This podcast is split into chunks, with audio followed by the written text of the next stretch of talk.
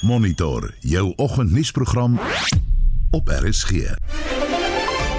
In vanoggend se program Wes-Kaapse boere doen skadebepaling na die naweek se swaar reën en oorstromings. Ons sien areas soos die Oeverberg en Oeverstrand area waar ons ook uitsien na 'n goeie graanseisoen gaan daar uitdagings wees uh, met die oesproses en die droogproses.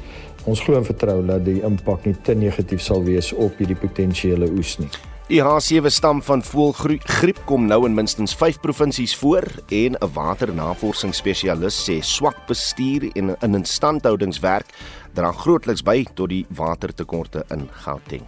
Al bou hulle al hoe meer damme, aan die einde van die dag is die probleem met die waterinfrastruktuur wat so wat 60% van water verloor voordat dit eers die verbruiker bereik. Welkom by Monitor onder redaksie van Jan Estreisen. Ons produksieregisseur vanoggend is JD Labeskagni en ek is Udo Karelse. In jou sportnuus, ons ontleed die Springbokspan wat Sondag by die Wêreldbeker teen Tonga gaan uitdraf. Die vroue Proteas is vandag in die tweede eendagwedstryd teen Nieu-Seeland in aksie en ons kyk terug na gisteraand se DStv Premier Sokkerliga uitslae. Suid-Afrika beleef die ergste uitbreking van voëlgriep ooit. Miljoene leehonders is reeds van kant gemaak en die pluimvee vereniging waarsku die epidemie gaan 'n groot impak hê op die toekomstige verskaffing van eiers en hoendervleis. Ons wil by jou weet, kom jy agter of die prys van vleim uh, pluimvrye produkte al gestyg het in winkels? Is daar 'n tekort aan eiers en hoender in jou omgewing? Laat weet stuur 'n SMS na 45889 dit kos jou R1.50 per boodskap. Jy kan ook 'n WhatsApp stemnota stuur na 0765366961. Dis 10 minute oor 6. Kom ons begin eers met oornag se groot storie. Haldeblyke stroom in na die dood van die ANC struggle veteraan Aziz Paat. Hy is gisteraand aan die ouderdom van 82 oorlede. Paat het van 1994 tot 2008 as adjunkminister van buitelandse sake gedien. Sy broers Esop en Junaid is in Julie vanjaar oorlede, maar die skepers het meer besonderhede. Aziz Ghulam Pahat was 'n voormalige adjunkminister van buitelandse sake wat oor 'n sin vir humor en opregte vriendelikheid beskik het. Hy was 'n anti-apartheidsaktivis wat 'n belangrike rol gespeel het om die anti-apartheidsbeweging in die Verenigde Koninkryk en Europa te vestig. Paat het ook 'n beduidende rol gespeel in openbare en geheime oorgangsgesprekke in Europa met verskillende rolspelers om apartheid te beëindig. Dit het uiteindelik gelei tot die ontbanning van politieke organisasies, die vrylating van Nelson Mandela en samesprekings wat uiteindelik tot 'n demokratiese Suid-Afrika gelei het. Sy broer Esop, wat vroeër vanjaar oorlede is, het hom so beskryf. As a wonderful human being with a great sense of humor, very witty. He has uh, a strong tendency to always have one liners. So, in the course of a conversation, he would just make some statement and everybody would start laughing. Because it would be a witty statement about somebody or about something. So, in that sense, his own personality led to him having a lot of friends. Aziz Paat het in oud-president Thabo Mbeki se eerste termyn as adjunkminister gedien. In daardie tyd het Paat 'n sleutelrol gespeel in die formulering van die ANC regering se beleid. Afgetrede ambassadeur Welile Nhlapo. Anytime he walks into that dirko, you go to the canteen, whatever you'd gone there for, and sitting there around the canteen, there will be a queue and a lot of people around him. People asking questions, wanting to know this or that or the other. And he said, But no, I'm no more in government. He said, No, no, no, no, no. You are Andre Gromiko. That was his nickname, Andre Gromiko. Dr Ayanda Nsaluba het as direkteur-generaal van die Departement van Buitelandse Sake onder Paat gedien en hy het goeie herinneringe oor sy werksverhouding met hom. Then began really what I think was um, a relationship of a mentor, uh, somebody who, who really that I could reach out to, taught me a lot about the ropes of foreign affairs.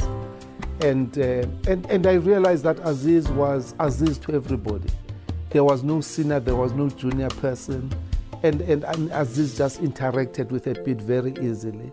And as a DG, he was somebody that I could run to anytime. As adjunkminister van buitelandse sake het Baat 'n prominente rol gespeel in Suid-Afrika se poging om die FSA-geleide aanval op Irak in 2003 te stop.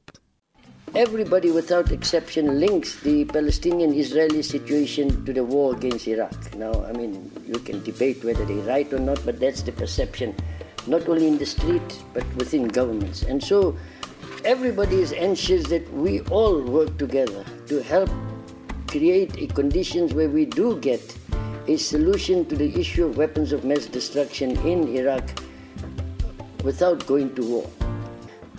Uh, it would be the view of the South African government, which reflects the non aligned movement's view, that uh, the Iraqi government must give those inspectors their full cooperation. Aziz Paat was deel van 'n binnekring van ministers en adjunkministers wat 'n hegte verhouding met oud-president Mbeki geniet het, wat deur sy politieke teenstanders as die klas van 96 gedoop is. Hy was een van die ministers en adjunkministers wat hul bedanking ingedien het kort na Mbeki se bedanking in September 2008. Esop het vroeër erkenning aan Mbeki gegee vir sy politieke ontwikkeling. He had the fortune to then be able to work with Tabo Mbeki. And I guess Tabo had the fortune to work with him. But they formed quite a formidable pairing inside the ANC in terms of international politics. Paat ontvang in 2021 'n ere doktorsgraad van die Universiteit van Pretoria.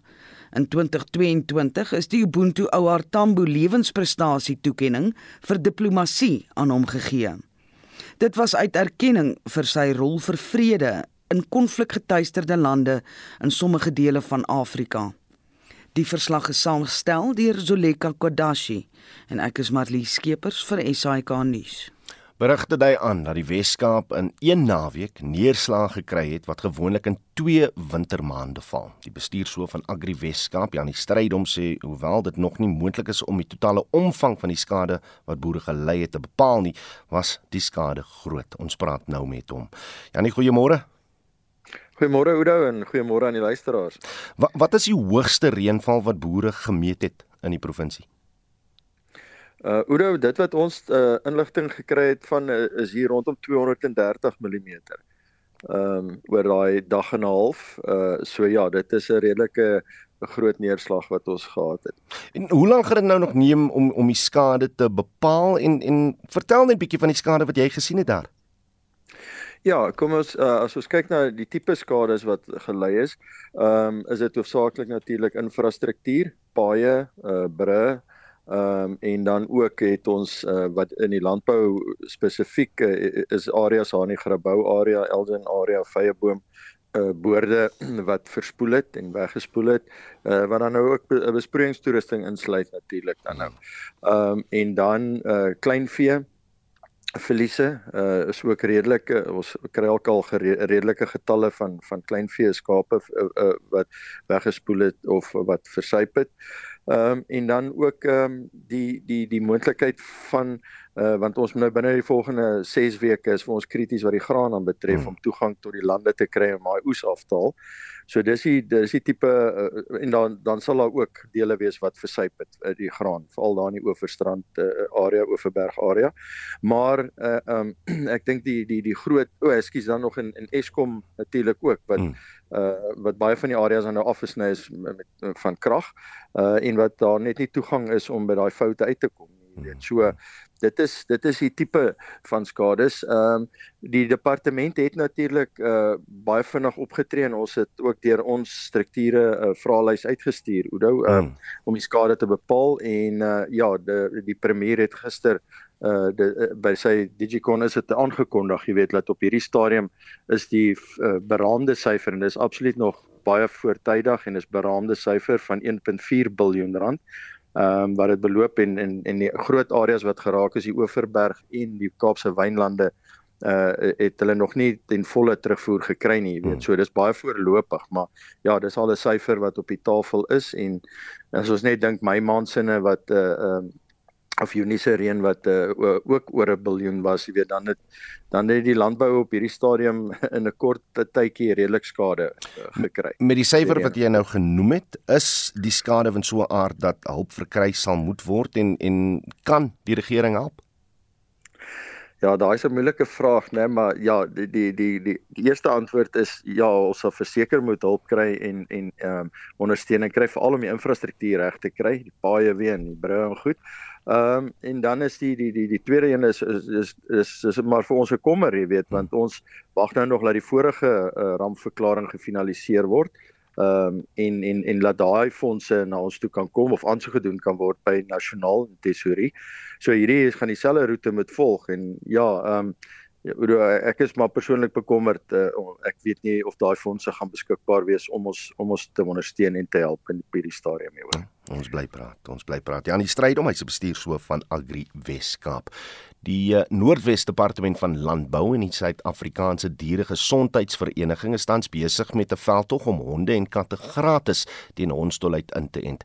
Die veldtog bereik dan ook vandag op Wêreld Hondsdolheidsdag sy hoogtepunt. Anita Visser het gister met Marlene Gosen, 'n dieregesondheidstegnikus by die Departement van Landbou op Lichtenburg daaroor gepraat. Die veldtog behels dat ons Wêreld Hondsdolheidsdag vir die 17de keer gaan vier. Die tema vir die dag is dan nou ook All for One, One Health for All. Met die veldtog wil ons probeer om 12 gebiede in en rondom Wyken teen ons tolheid in te ent, die honde en die katte. Gebiede soos Lotlakane Village, Pitakong, dit is maar 'n paar van die gebiede wat ons wil ent. Daar gaan 68 punte wees en 140 van ons dieregesondheidstegnisie en staatsveeartse van reg oor Noordwes gaan deelneem daaraan. Marlene sê vir my is 'n een eenmalige enstof genoeg vir hoe lank sou so 'n enstof duur? Dit Anita wat ons gewoonlik doen is honde en katte word op 12 weke ingeënt, dit wil sê 3 maande en dan gee jy nog 'n inenting 'n maand later wat ons 'n booster noem en daarna jaarliks. En hoe presies werk die inenting? Wat doen die inenting? Gaan dit in die brein en hoe werk dit in die liggaam? wanneer 'n hond byvoorbeeld deur 'n meerkat gebyt word, dan beweeg hy met die senuweestelsel saam na die brein toe. Dan sal hy dan af jou die simptome gee wat jy tipies sien by hondstolheid, waar jou hond dan nou of 'n dos, ons noem dit die dom vorm kan aanneem of dan nou 'n aggressiewe vorm. Daarna gaan sit hy dan nou ook in jou spoegkliere en dit is hoekom ons sê dat jou spoeg so gevaarlik is wanneer 'n hond jou byt. En hierdie enstof keer dan dat die virus daar gaan sit. Daar sien, ja. Nou Marlene, ons verwys die hele tyd na hondsdolheid, maar dit gaan hier ook oor katte en dan ook oor klein diertjies. Ek praat van wilde diertjies soos meerkatte of ape wat mense mak gemaak het. Nou ek weet dis teen die wet, maar die punt is ons weet ook mense doen dit en ons wil daarom ook nie hê dat hierdie mense uiteindelik hondstolheid kry net omdat hulle meerkatte of aap aanhou nie. Kan hulle dan nou hulle apies of hulle meerkatte as hulle die sou hê na julle toe bring, sal julle hulle ook inent? Ja, ons sal Anita. Onthou dit is 'n siekte wat alle warmbloedige diere aantas. So as jy wat wel teen die wet is 'n meerkat het of 'n blou aap, is dit verkieslik dat hulle ook ingeënt word want niks verhoed hulle om ook die siekte te kry. Hulle is by jou in die huis, so as hulle die siekte moet ontwikkel, dan is dit 'n risiko vir die eienaar. Gaan julle baie in die townships in om ook daai honde in te ent? Ons het nou vandag ons groot wêreldhondstolheid wat ons vier, maar hierdie hele maand het ons in townships gespuit, ons het in klein gemeenskappies gespuit, ons het op plase gegaan, ons het die skole besoek en kinders meer attent gemaak op hondstolheid, maar ons doen dit dwars deur die jaar. Nou ek weet in die Oos-Kaap was daar probleme met sekere beamptes wat nie toegang tot townships kan kry nie. Ervaar julle dieselfde? Gelukkig, um, en ons is baie dankbaar daarvoor dat ons dit nie in Noordwes ervaar nie. Kom ons kom net terug na die simptome toe Marlene gee vir ons 'n blitsopsomming. Jy gaan twee vorms kry, gaan of 'n dom vorm kry of dan 'n aggressiewe vorm. Ons sê altyd 'n wilde dier word mak en 'n makdier word wild, menende jou hond wat altyd mak was, gaan aggressief word. 'n uh, Meerkat wat gewoonlik 'n wilde ding is, gaan huis toe kom, dieselfde met jakkalse. So enige gedragsverandering moet jy op patent wees. Jy gaan nie noodwendig die spoeg sien wat uitloop nie. Dit is eers jou latere tekens, maar dit is een van dit. En wat is die publiek se reaksie? Jy sê jy spuit nou al die hele maand. Hoe word julle ontvang? Ek het gisteroggend 'n hele paar kliënte gehad wat um, na ons kantore toe kom om hulle honde te bring en waar ons hulle dan nou help om hulle te ent. Omrede dit gratis en verniet is. En waar kan mense inligting kry oor waar hulle kan gaan? Jy het nou gepraat van ek dink 64 punte nê. Nee. 68, 68 punte. As hulle dan vandag nie by een van die punte kan uitkom nie, daar staan sy kantore in die meeste dorpe en dan kan hulle die res van die maand gaan of um, enige ander tyd hulle honde vat en net vra vir 'n hondstolheid inenting. Dat dan Marlene Goshen, 'n dieregesondheidstegnikus uh, by die Departement van Landbou op Lichtenburg en sy daar met ons Anita Visser gepraat. Mediese eise teen die Departement van Gesondheid is steeds aan die toeneem. Die eise weens mediese nalatigheid het teen Maart vanjaar 77 miljard rand beloop. Dit is volgens die kantoor van die ouditeur-generaal wat uh, voor die parlement se gekose komitee oor toewysings verskyn het. Zelin Merrington berig. Regsmediese eise het in 2018 op 'n verbuisterende 70 miljard rand gestaan. Die departement het 'n teiken gestel om dit te verminder met 80%. Maar volgens die OG se adjunk besigheidseenheid leier Tabelo Musinyani het die eise toegeneem. As at 2023, the balance was sitting as cumulatively approximately 77 billion. And our observation is the fact that we realized that as much as the sector wanted to reduce this amount, over the years, this amount has actually increased significantly. Die departement het intussen ook probeer om 'n stelsel in plek te stel om eise te bestuur, maar dit word nie deur alle provinsies gebruik nie, waar sommige steeds pen en papier gebruik om rekord te hou. Die direkteur-generaal van die departement, Sandile Buthelezi, sê 'n elektroniese stelsel help om inligting akkuraat te dokumenteer. You are able now to actually classify the claims and actually locate them per hospital, but also you are able to actually segregate who are the attorneys We now know who are the problematic attorneys. That are some of them are, are actually suing us for more than five billion. But also there's an issue of possible some duplicates in terms where one case, the same case gets registered in the Northwest and it gets registered in Gauteng. One gets registered under the mother, one gets registered under the baby or under the uncle or under the guardian. But we are able to pick this one up now through uh, this system. But also the issue of fraudulent claims were recently addressed by the Solicitor General We also raised a lot of issues about fraudulent claims for some of the patients that never existed. Now, this is a work then that the SIU is currently dealing with. Die voorsitter van die komitee, die Kaleri Mahlangu, sê dis goed om te sien die eise word ondersoek. This is not something that has just started now. It has been there and uh, it now has come out of hand where people has made it their business to make sure that they are going to make money, a living, wealth out of the government and the pain that the ordinary people are feeling. But people are taking are being opportunistic. Going to hospitals when you are you were involved in an accident, you, you wake up in an hospital, you find somebody you don't know and telling you all the nice things to say you are going to get money and all that, not worrying about your health. So it is good that you're raising this thing. Adjunkt minister van gesondheid Sibongiseni Dlomo sê hulle het 'n skerp toename in eise opgemerk.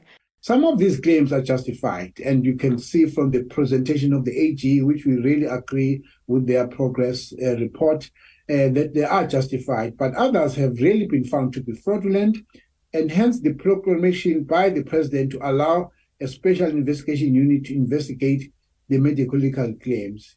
Dit was die adjunkminister Sibongiseni Glomo, Zelin Merrington, Parlement. Wêreldnuus. Alle oë gerig op Amerika waar die, die tweede debatsreeks om die Republikeinse presidentskandidaat te verkies plaasgevind het of liewer plaasvind, nog plaasvind by Ronald Reagan Biblioteek in Kalifornië, maar die skepers hou verwikkelinge daarop. Sewe kandidate debatteer oor kwessies soos migrasie, onderwys, inflasie en China wat toenemend as die FSA se kompetisie beskou word. Die voorloper Donald Trump was egter nie daar nie. Ron DeSantis word intussen as een van Trump se grootste teenstanders beskou en op 'n vraag oor wie aanspreeklik gehou moet word, sou die Amerikaanse regering ineenstort, het hy die huidige president en die se voorgangers blameer. Please spare me uh, the crocodile tears for these people. They need to change what's going on. And where's Joe Biden? He's completely missing in action from leadership. And you know who else is missing in action? Donald Trump is missing in action. He should be on this stage tonight. He owes it to you to defend his record where they added 7.8 trillion to the debt. Nou ja, Trump was ten tye van die debat in Detroit, Michigan waar hy besoek afgelê het aan 'n voertuigvervaardigingsaanleg. I want a future that protects American labor, not foreign labor. A future that puts American dreams over foreign profits, and a future that raises American wages, that strengthens American industry, that builds national pride, and that defends this country's dignity, not squanders it all to build up foreign countries that hate us.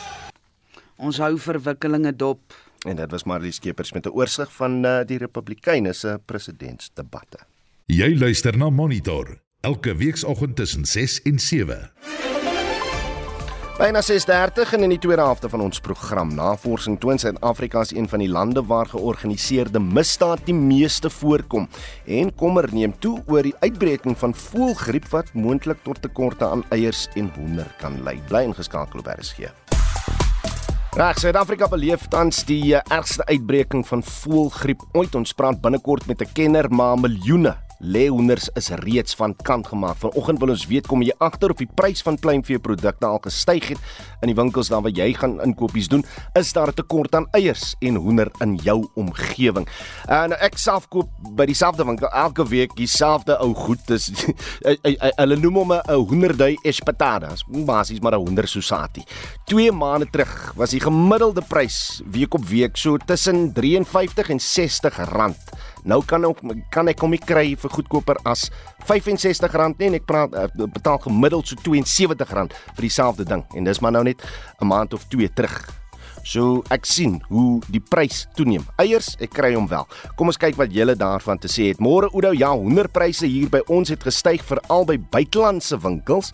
Uh, maar eiers uh nee wat, spot goedkoop by ons uh eie hoenderplaas hier op Gouda. Dis nou Jonathan April wat ons hy boodskap stuur. Dan sê iemand by die groot winkels uh ja, het nou al vir 'n week nie eiers nie. Ek het nog nie verder gaan soek nie. Dis 'n probleem alles wat uh uh, mens bak kry eiers in. Dis nou Annelie in 3 riviere. Laat weet wat uh, die situasie daar by jou is. sien jy 'n tekort aan kleinveeprodukte? sien jy 'n tekort aan uh, eiers? Praat saam. Jy 'n SMS te stuur na 45889. Dit kos jou R1.50 per boodskap. Jy kan ook lekker saamgesels deur 'n WhatsApp stemnota te stuur na die nommer 0765366961. Hierdie sportbulletin word met trots aan jou gebring deur SABC Sport, die amptelike radio-uitsaaier van die Rugby Wêreldbeker Frankryk 2023. Dag Jody, Hendrik sluit, uh, Hendrik sluit net by ons aan vir die jongste sportnuus. Môre Jody. Goeiemôre Oudo. Ons begin met cricket en ons dames is wel vandag in aksie, maar daar's bietjie nuus rondom Themba Bavuma wat bietjie 'n uh, uh, bron van kommer kan wees. Ja, so 20 minute gelede persverklaring gekry dat die kaptein uh, Temba Bavuma gaan twee opwarmingswedstryde by die Wêreldbeker misloop. Hy gaan uh, terug Suid-Afrika toe keer weens 'n familiekrisis en uh, die wedstryde wat hy gaan misloop is teen Afghanistan en Nieu-Seeland. Aiden Makram gaan nou sy plek as kaptein in die twee wedstryde vol staan. Dan soos jy gesê het, die vroue Proteas is vandag in aksie. Hulle speel in die tweede van 3 eendag wedstryde ook eh, teen Nieu-Seeland en die wedstryd word op die Pietermaritzburg Oval gespeel en indien hulle die wedstryd wen sal hulle ook die reeks in Palm nadat hulle die eerste kragmeting vroeër die week gewen het. Ja, lieflike gol van 'n eerste wedstryd. Reg, ons verskuif die fokus na sokker toe en Mamelodi Sundowns het 'n bietjie geskiedenis gemaak gisteraand. Ag wedstryde in 'n ry wat hulle gewen het van jaar se DStv Premier Liga en na gisteraand se 3-1 oor Stellenbosch is hulle nog steeds bo aan die punte leer. Ook verrassend Kaizer Chiefs het 2-1 met Sekhukhune United afgereken en na die 5de plek op die DStv Premier Liga opgeskuif. Hi Jody, hoekom is dit verrassend dat Kaizer Chiefs gewen het? Kom ons gaan rugby wêreldbeker toe. Uh ons buurland het so mooi gespeel in die eerste helfte teen Uruguay en toe Ja, ongelukkig 36-26 vasgeval met 10 punte verloor. So hulle verlaat die Wêreldbeker sonder enige seëges bietjie teleurstellend vir Alistair Coetzee en sy afrigtingspan. Hy het juis voor gister se wedstryd teen Uruguay gesê dat dit is die wedstryd wat hulle teiken om geskiedenis te maak en hulle eerste wedstryd by die Wêreldbeker te wen. Ongelukkig kon hulle dit toe nou nie maak nie en hulle verlaat dan die Wêreldbeker sonder enige seëges. En ek sien ons bokspan eh, teen Tonga is nou weer eens 'n oop audisie vir die kwart eindstryd. Vertel bietjie meer. Ja, en slegs ewe net so baie in Sia Kolisi wat oor is in die span wat teen Ierland verloor het, maar soos verwag Andre Pollard is op loskakel ingesluit. Vincent Koch kry op sy eerste speelkans van die toernooi. Hy begin op stit en uh, dan uh, dit is die ja albei spelers se eerste wedstryd by die wêreldbeker Manuel Bokter loops is op die reservebank gekies so ek dink nie dat um, Andre Pollard 80 minute gaan speel nie. Reg nou Sondag se wedstryd sal die derde keer wees dat die twee lande teen mekaar speel. Die vorige keer was by die 2007 wêreldbeker en toe was Wikus van Heerden in uh, die 15taal vir die Bokke. En hy's ook vanoggend ons gas. Wikus goeiemôre Môre Oudo, môre Jody en luisteraars. Lekker man. Luister, wie is uh hoe moet die Bokke Sondag se wedstryd benader? Tonga 'n baie fisieke span as hulle nie. Hulle is en uh, ons het ons is baie benoude oomblikke ervaar in 2007. So as daar enige raad is is uh dat hulle absoluut takties klinies sal wees en uh ja, dit soos enige ander van die wedstryde hanteer want uh dit is uh dis 'n span wat regtig jou fisies gaan toets En uh maar ons weet ook uh as ons op volle silinders blaas dan ehm um, gaan minspanne by ons fisiese be spelpyl kan uitkom en is, ons het 'n opwindende jong spelers wat ook 'n kans geleende geleentheid bietjie kry. Hm. Wieke, wat maak jy van die pak voorspelers Dion Fourie begin op hakker, Dion skuif, Dion vir Dion Vermeulen, skuif van agste man na flank, ehm um, jou jou indrukke rondom die pak? Ehm um, ja, ek is uh, Dion Fourie is vir my net 'n mooi storie en uh, ek uh, ek is baie jammer vir Malcolm Marx wat uh, wat 'n sleutelspeler is wat beseer is, maar ek dink hierdie gaan regtig amper sy 'n geleentheid wees vir Dion Fourie om sy loopbaan op 'n absolute hoë noot af te sluit en ek hoop regtig hy uh, hy staan uit 'n bakker net so goed soos hy die hele jaar op flank uit gestaan het. En dan ja, Lusfords ehm um, jy wat kan jy sê Dwayne Vermeulen se uister en uh die kombinasies wat uh Rassie hulle in speel mens mens kan ook baie keer daarmee verskil maar weer eens daar is meer as genoeg goeie kwaliteit klas uh los voorspelers met kwag op die bank uh ja ons sal nie ons sal nie daar enigsins terug staan vir enige enige ander land. Marco van Staden op die bank is die reserve hakker Ja, daai is daai is daai is nog 'n bietjie interessant ene. Ehm um, ek het nou nie nog nie baie van Marco gesien op op Hakker nie. Ons ek weet hulle hulle het hom gebruik wat hy ook al ingooi gedoen. Die groot ding is dit is dit is maar wat altyd die die moeilikheid ding bly dat die kern prioriteite vir 'n vir 'n hakker is is om sy lynstaan springers te vind om om in 'n skram te domineer en daai goedjies so daai goedjies is maar goeters wat Ja, definitief nie op blues vir fort of op eh, so erg te konsentreer nie. So ja, dit dit gaan interessant wees. Wie is die groot gesprekspunt natuurlik op loskakel? Dink jy daar gaan druk op Andre Pollard wies eerstens om sy fiksheid te bewys en dan tweede die druk hanteer om palle toe te skop? O, oh, nee, wel kyk weer eens daar daar moet ervaring deurkom en ek dink eh uh, Andre was al in baie baie hoë druk situasies so ek het glad nie twyfel dat die druk 'n probleem gaan wees nie. Die fiksheid gaan dit gaan definitief wees 'n uh, toets wees veral teen 'n span soos Tonga met hulle fisiese aanslag. Maar ehm um, ja, ek ek glo nie dit dit behoort enigstens 'n probleem vir ander te wees Saterdag nie, Sondag nie. Ek, ek twyfel Pallard gaan 80 minute speel, maar uh, Libok is op die bank. Wat maak jy van die Bokke se staalskoppe by die toernooi en en, en gee hierdie wedstryd nie vir ons dalk so 'n guldige geleentheid net om te sien, miskien in die tweede helfte, hoe lyk die patrone as Libok op 10 uitdraf en Pallard miskien die 12 oorneem net verkies van toekomstige 15-talle hier by die Wêreldbeker wiekies. Nee, verseker. Ehm um, ja, nee, kyk in wêreldbekers elke punt wat jy kry moet jy vat. En ehm um, ek dink dit is hoekom ek ek dink ek praat nou namens nie hele Suid-Afrika maar ons is nie heeltemal te teleurgesteld met die verloor teen teen Ierland want ek voel regtig ons is Suid-Afrikaanse span het so gedomeineer hmm. en die punte was daar en ongelukkig ongelukkig aan die einde van die dag het ons nou nie die punte altyd gevat nie maar dis 'n wonderlike ding jy het 'n ou soos 'n Pollard wat nou in die groep inkom wat ek dink uh, vir Mani dalk 'n bietjie kan rustigheid gee want uh, dit is nie noodwendig net Pollard wat moet met die, met die skopwerk doen nie maar dalk dalk kan hy net vir Romani 'n rustigheid gee ook uh, met sy, sy doelskoppe. Nou goed, dit was Wikus van Heerden, die voormalige Springbok wat in 2017 Tonga in die Rugby Wêreldbeker gespeel het. 'n Nuwe stam van die voëlgriep H7 saai verwoesting onder leehonders. Volgens die departement van landbou is meer as 1,3 miljoen hoenders van kant gemaak en 100 000 het reeds aan die virus gevrek. Die bedryf sê die aangemelde gevalle is veel hoër. Ons praat meer oor die siekte uh, uh, nou met die voorsitter van die pluimvee groep by die Suid-Afrikaanse Veeartsenykundige Vereniging, Dr. Wilhelm Maree.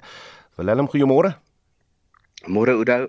Die die syfers verander uiteraard elke dag, maar watter getalle is tot nou in die bedryf aangemeld? Ehm um, Oudo, ja, dit is moeilik as gevolg van 'n verskeidenheid van redes. Waarskynlik die tydslyne wat dit vat om om om uit te kom en gerapporteer te word deur die korrekte kanale, maar soos dit gebeur, hou ons probeer ons om rekord te hou en self dit is moeilik. Maar mens kyk in die omgewing van 5 miljoen lênetjies. Ehm um, dit is so 30% van die totale mark en 2.5 uh, miljoen braaikyk en teelouers oh. wat tussen 20 tot 25% van die totale uh, marksektor is. So dit is betekenisvol hoog. Ja, berigte verwys na die H7 stam van uh, die voëlgriep wat net hier in Suid-Afrika voorkom. Hoe hoe is dit anders as die H5N1 voëlgriepvirus?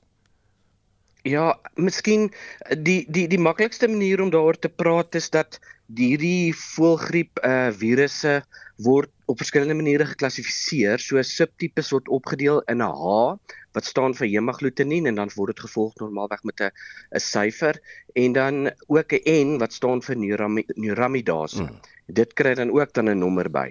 Die huidige H7 virus wat ons het word dan verder geklassifiseer uh, as 'n N6. Uh net soos wat ons op die oomblik H5N1 het wat ook uh, besig is om om hier 'n verwoesting te saai. So hierdie is die eerste keer in Suid-Afrika waar ons 'n hoë patogene H7 uitbraak het. Hmm. Die die soos ek verstaan is hy nou al het hy nou al versprei na 5 van ons provinsies. Uh, die res van die provinsies waar hy nou nog nie uh, versprei het nie, uh, doen hulle iets anders of of of hoekom is dit in hierdie geval nie? Ja, Oudo, ek dink dit is soos die virus beweeg. Ek dit dit skep groot populasie ontploffings van die virus soos wat dit geïnfekteer is en mens moet dan probeer om dit binne te hou met biosekuriteit. Ek hmm. dink soms was ons nie heeltemal suksesvol daarmee nie as gevolg van 'n verskeidenheid van redes, maar ehm um, dis spesifiek die H7N6 wat in hierdie 5 provinsies voorkom. Onthou ons het H5N1 ook en dit is nou soos onlangs soos laasweek in KwaZulu-Natal aangemeld. So daar's 'n paar provinsies wat ook sukkel dan. Die regering sê hy hy hy het nou die proses om enstof teen volgriep in te voer versnel. Hoe moeilik is dit om die enstof in te voer?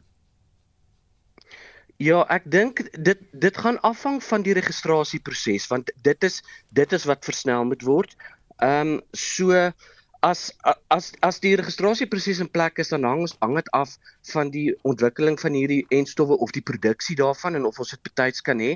Ek dink die volumes wat ons in die begin genodig het behoort hopelik nie groot genoeg te wees en dat dit maklik kan wees, mm, mm. maar dit gaan moeilik wees want dit gaan die die die maatskappy wat dit vervaardig wees wat dit gaan kan bepaal. Die regering sê ook verder hy gaan die enstof voorsien aan uh, boere wat baie goeie biosekuriteitsmaatreëls het.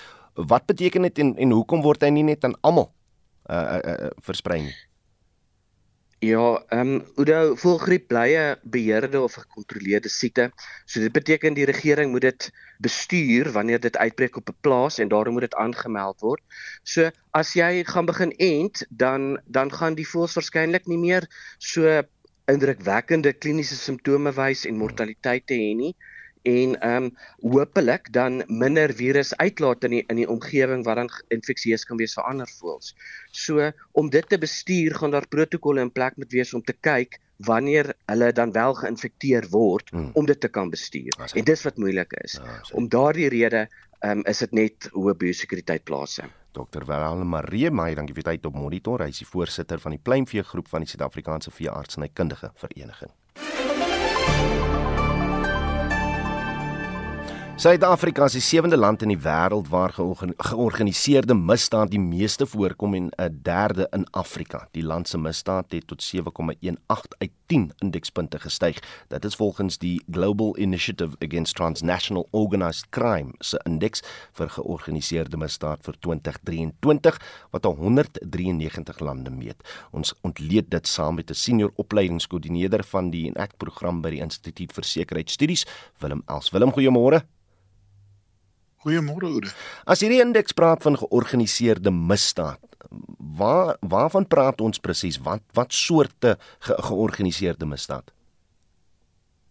Ja, Oude, wat eh, wat hulle doen is hulle kyk na na basies 15 uh kriminele markte Uh, en die markte sluit nou in jou finansiële misdrywe, jou uh, smokkel, mense smokkel, mensenhandel, uh, na verskillende van jou dwelmhandels en dit is nou van dagga af tot by heroïne tot by sintetiese dwelms.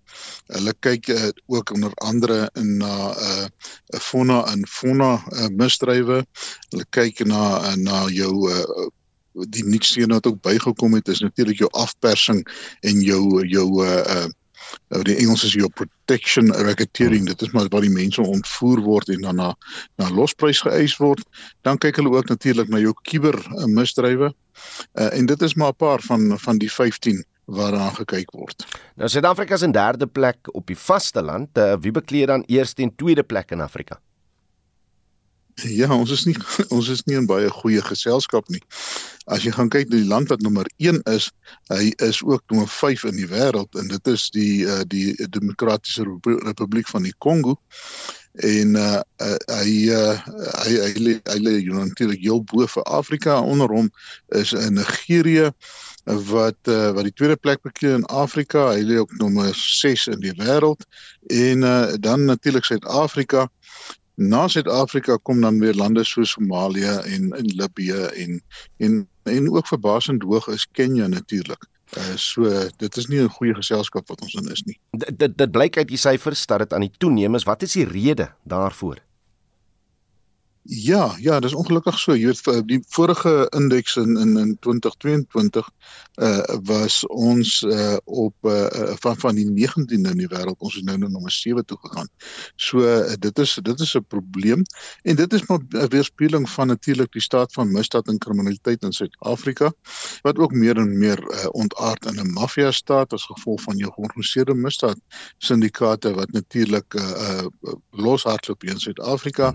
Uh die klimaat wat is geskep in Suid-Afrika vir die die organisasies om te kan floreer en een van die grootste uh bydraende faktors natuurlik is maar die die korrupsie uh, wat wat wat uh deur ons uh veral in die staatsdiens uh, uh natuurlik hooggetuig hier.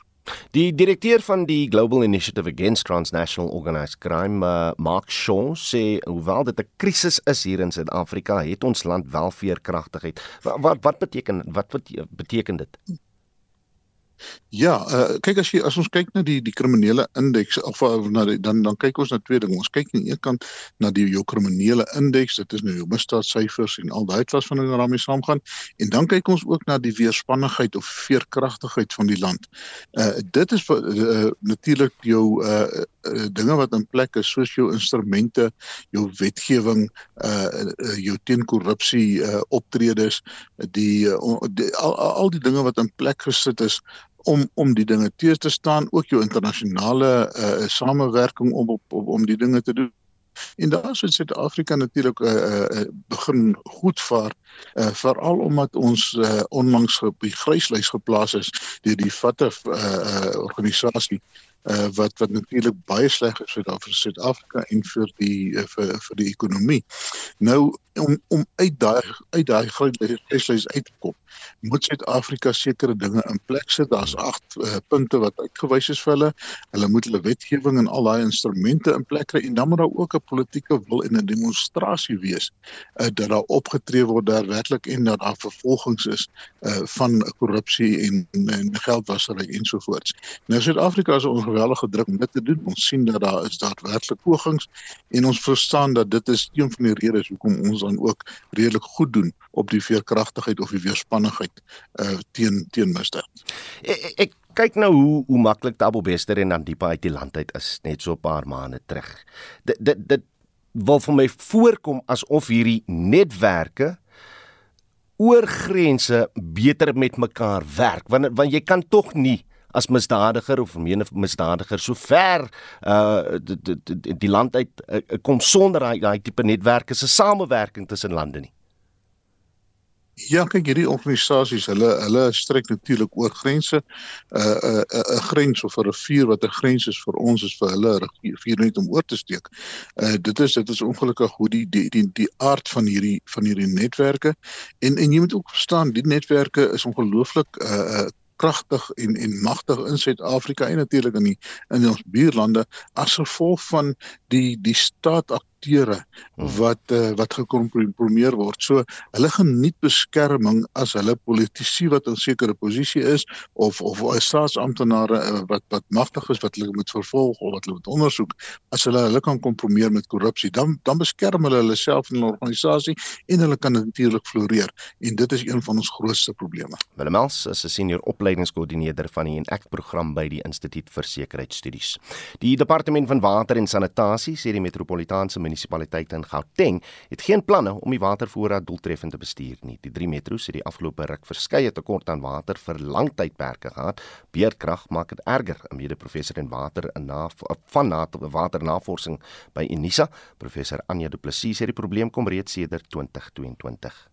Dieselfde het gebeur laas jaar September Oktober waar Randwater en Johannesburg Water mekaar geblameer het deur die verbruiker en toe later erken het dat Randwater nie genoeg water kan pomp of toevoer na die drie metro's nie.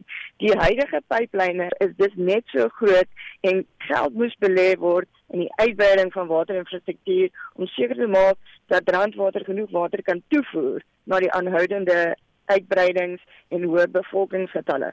So daar is duidelik 'n groot gebrek van beplanning as ook politieke wil om die situasie aan te spreek en seker te maak dat betalende verbruikers water uit hul krane ontvang. Die plaaslike regering het lyk my gelukkig ongelukkig nie veel gedoen om watersekerheid in plek te kry vanaf September Oktober nie. So dit is 'n menslike probleem, grootendeels as gevolg van lekkasies en dan gebarste pipe. So dink jy dis 'n krisis?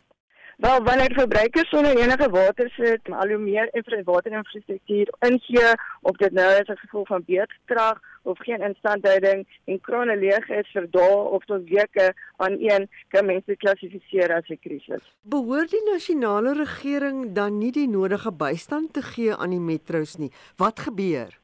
Verseker, dit is uiters 'n swak bestuur as ook geen duidelike aksies wat geneem is 'n jaar later deur die plaaslike regering as ook Randwater moet nou aangespreek word deur die huidige regering. Die departement van waterwese moet kort, medium as ook langtermynplanne en regte aksies implementeer om seker te maak dat die land se ekonomiese kern ordentlik ondersteun word deur water en as ook energie.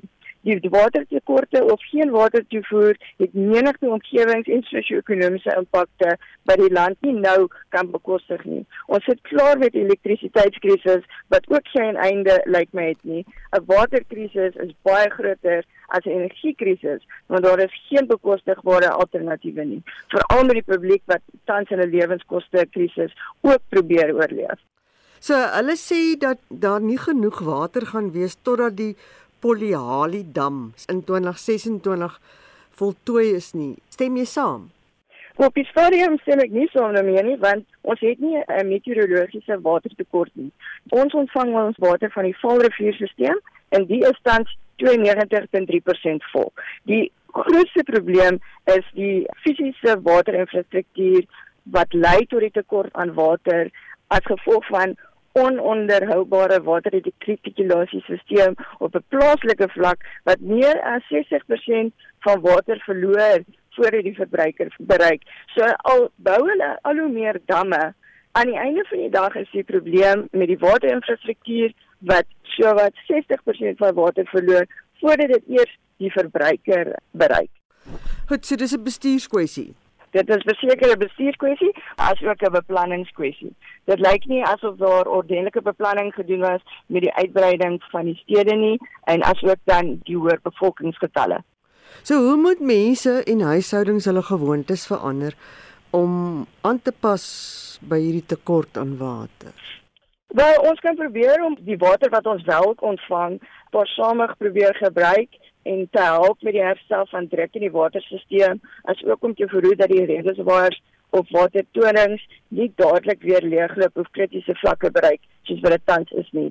Aangesien daar duidelik nie noodplanne in plek is nie, is 'n gebrek aan politieke wil, aanspreeklikheid, deursigtigheid rondom die situasie om die aanhoudende groot probleem van lekkasies aan te spreek nie, waar verbruikers sal waterverbruike moet aanpas. En so sê professor Anja Du Plessis, water- en navorsingsspesialis verbonde aan Unisa, sy daar met ons Mitsi van der Merwe gepraat. Ek Suid-Afrika beleef tans die ergste uitbreking van voëlgriep ooit. Miljoene leehonders is reeds van kant gemaak. Ons het nou met ons kundige gepraat en hy sê dit dit dit, dit hulle syfers toon dat meer as 5 miljoen leehonders reeds van kant gemaak is. Nou die pluimvee vereniging waarsku die epidemie gaan 'n groot impak hê op toekomstige verskaffing van eiers en hoender. En dis hoekom ons vanoggend by jou wil weet, kom jy agter of die prys van uh, pluimveeprodukte al gestyg het in die winkels? Is daar 'n tekort aan eiers en hoender in jou omgewing? Uh boodskap van Charlotte vanuit Alberton sê gister by die groot winkels het hulle geen eiers gehad nie. Um, dan sê Rein in Durban gister R27 vir 'n half dosyn losloop henne eiers betaal en dis 'n noodsaaklike proteïene. Uh, ek koop 'n rakkie eiers gewoonlik vir R50 sê Elise en 2 weke later kos dieselfde rakkie R75 en dis uh, Elise wat uh, ons 'n boodskap gestuur het vanuit Kroonstad. Wat is die storie daar waar jy bly? Laat weet asseblief jy kan vir ons 'n SMS stuur op die nommer 45889. Dit kos jou R1.50 per boodskap. Jy kan ook 'n WhatsApp stemnota stuur na die nommer 0765366961 dan hoor ons 'n bietjie jou stem vanmiddag op Spectrum tussen 12 en 1 en natuurlik 'n bietjie later in die dag op Brandpunt. Vorige uitsendings van al ons nuusaktualiteitsprogramme is wel as potgooi eh, beskikbaar op RC se webtuiste. Uh ons groet dan namens ons uitvoerende regisseur Nicoline de Wee, die redakteur vanoggend is Jan Estreisen, ons produksieregisseur JD Labeskag. My naam is Oudo Karelse en uh ja, geniet die res van die dag in die geselskap van RC op en wakker is volgende. Totsiens.